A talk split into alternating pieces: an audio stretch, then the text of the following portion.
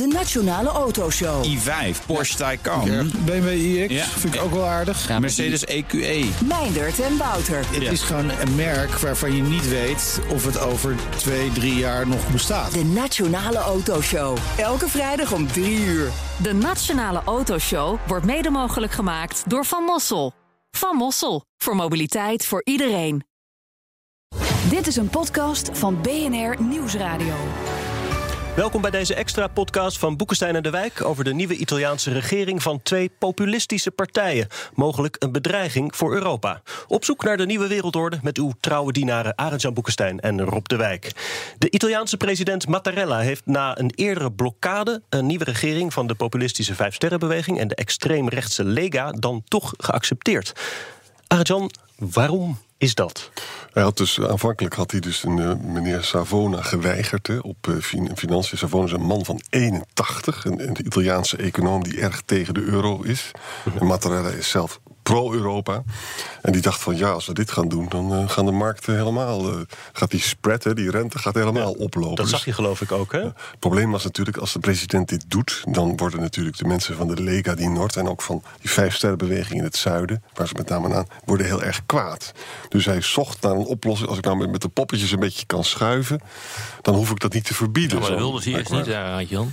Gewoon eh, eerst eh, wilden feitelijk, eh, feitelijk de, de leiders van de Lega Noord en die Vijf Sterrenbeweging... die wilden daar niks van weten, die wilden nieuwe verkiezingen. Ja. Ik denk dat dat ook in belangrijke mate heeft meegespeeld... om te dealen achter de schermen. Ik bedoel, weet dat natuurlijk niet zeker, omdat we er niet bij zijn geweest. Maar als er nieuwe verkiezingen waren geweest, dan... Was de Lega nog groter dan waren ze geworden? nog groter geworden. En dat had waarschijnlijk geresulteerd in een echt referendum over euro en misschien wel de Europese Ik heb ook net even gecheckt bij Rob van de beursredactie. Die zag dat de beurzen in Italië omhoog gingen en de rente omlaag. Dus eh, Ja. de beurzen vinden dit beter dan nieuwe verkiezingen. Nou ja, de markt die straft op. Ja, dat klopt.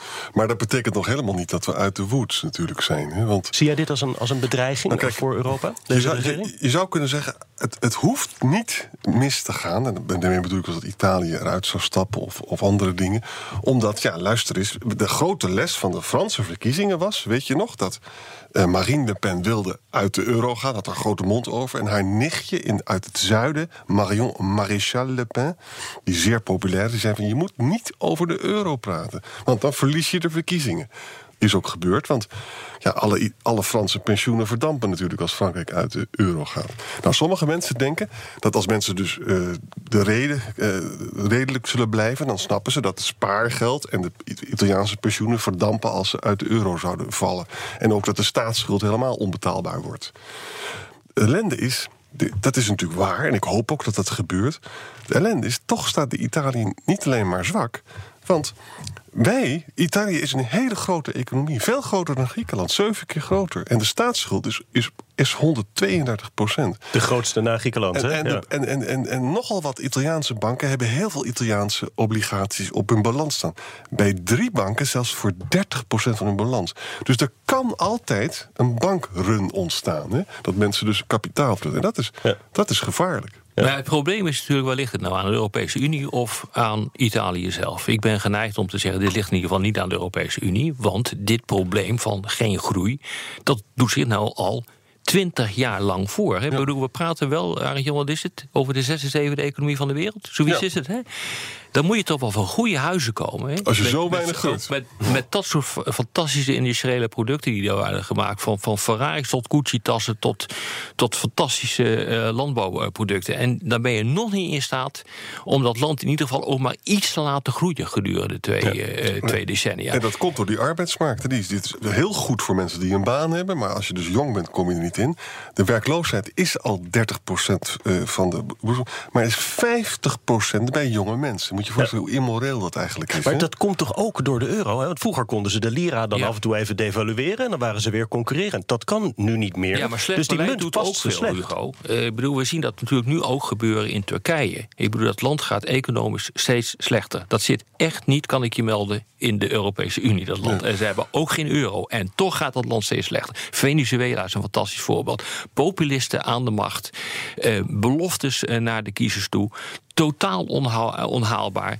En die landen gaan naar de knoppen. En eh, hoe je het ook wendt of keert, Berlusconi is wel wat was het, 10, 15 jaar aan de macht eh, geweest in dat land. Die heeft er gewoon een bende van gemaakt. Enorme bende.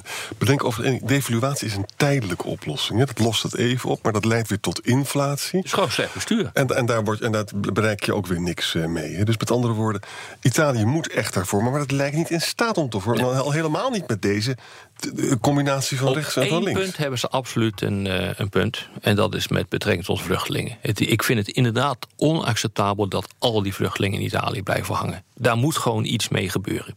Of dat nou wordt herverdeeld of dat dat wordt teruggestuurd. Maar dit kan niet. Of dat misschien de oplossing is om Italië echt ruimschoots te compenseren voor wat daar gebeurt.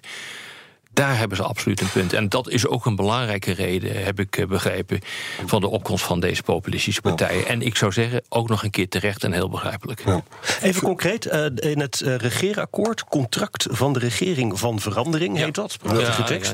ja, Ehm, daar staat niet langer in uit de euro, zoals in een eerdere conceptversie schijnt te hebben gestaan. Wel staat daarin een verlaging van de belasting, een verlaging van de pensioenleeftijd, een basisinkomen, kosten geschat op meer dan 100 miljard euro. Leuke dingen voor de mensen, Ze kunnen het maar absoluut niet onbetaalbaar. Hoe gaat dit dan? Gaat Brussel dat tegenhouden? Of hoe? Ik denk dat de markt het gaan tegenhouden. De markt- Eh, is dat- je- Jij noemde net eventjes dat die, eh, dat die markten aan het opkabbelen zijn. Eh, wel dat schrikbeeld van het verlaten van de EU en euro, dat is eh, verdwenen.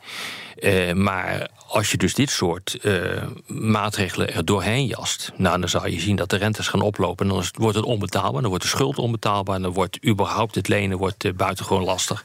En dan, eh, dan de markt, die schopt ze eigenlijk in de houding. Maar Rob, die schopt, die schopt de euro kapot. Maar er is een Dus dan, dan heb je toch weer een nieuwe eurocrisis. Ja, maar, Dat maar, kan, maar er is maar een dat tegenargument. is een tegenargument.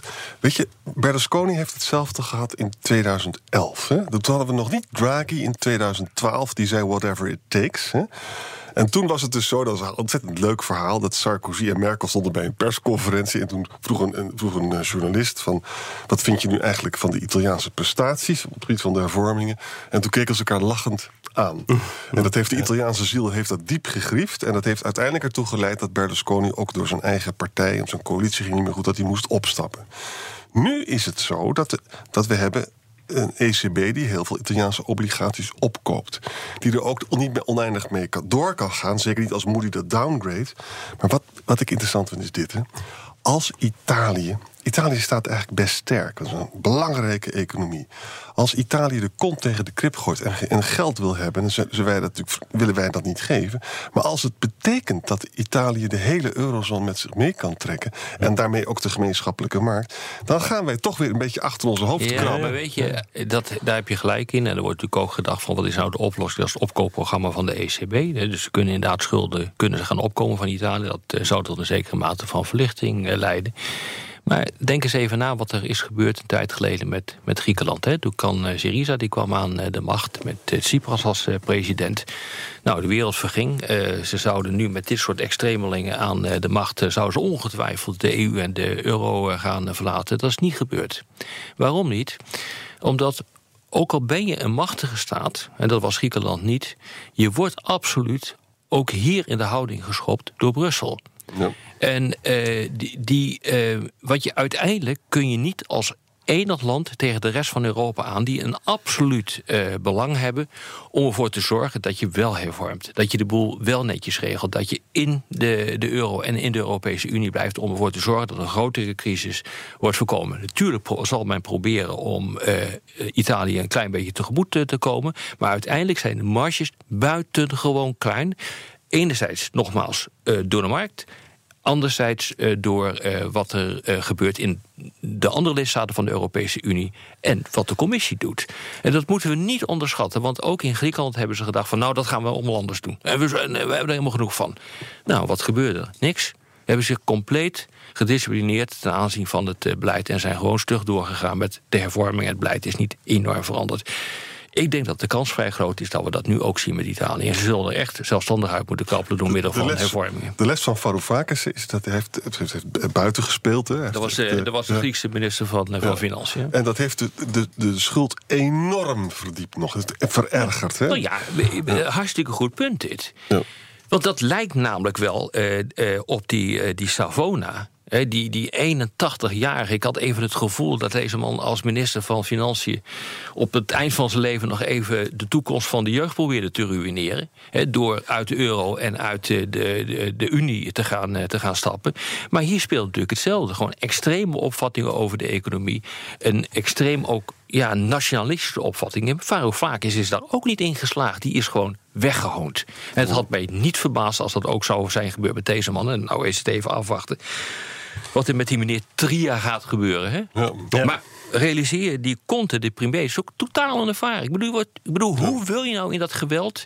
met al die regeringsleiders en die staatshoofden in de Europese Unie... hoe wil je in dat geweld overeind blijven? Er Dat komt, er een komt een raadsel. groep van zeven aan. Dan moet die konten. Die moet daar naartoe. Dat wordt nog heel geestig. Oh, oh, en dan zien of ze de les van Varoufakis hebben geleerd. Dit was weer een extra uitzending eh, van Boekenstein en de Wijk. Een extra podcast, moet ik zeggen. Eh, dank voor het luisteren. Ik verwijs nog even naar onze reguliere aflevering over Nord Stream 2. Een gasleiding die de kwetsbare energievoorziening van Europa moet helpen... maar mogelijk juist bedreigt. En zeg tot volgende week.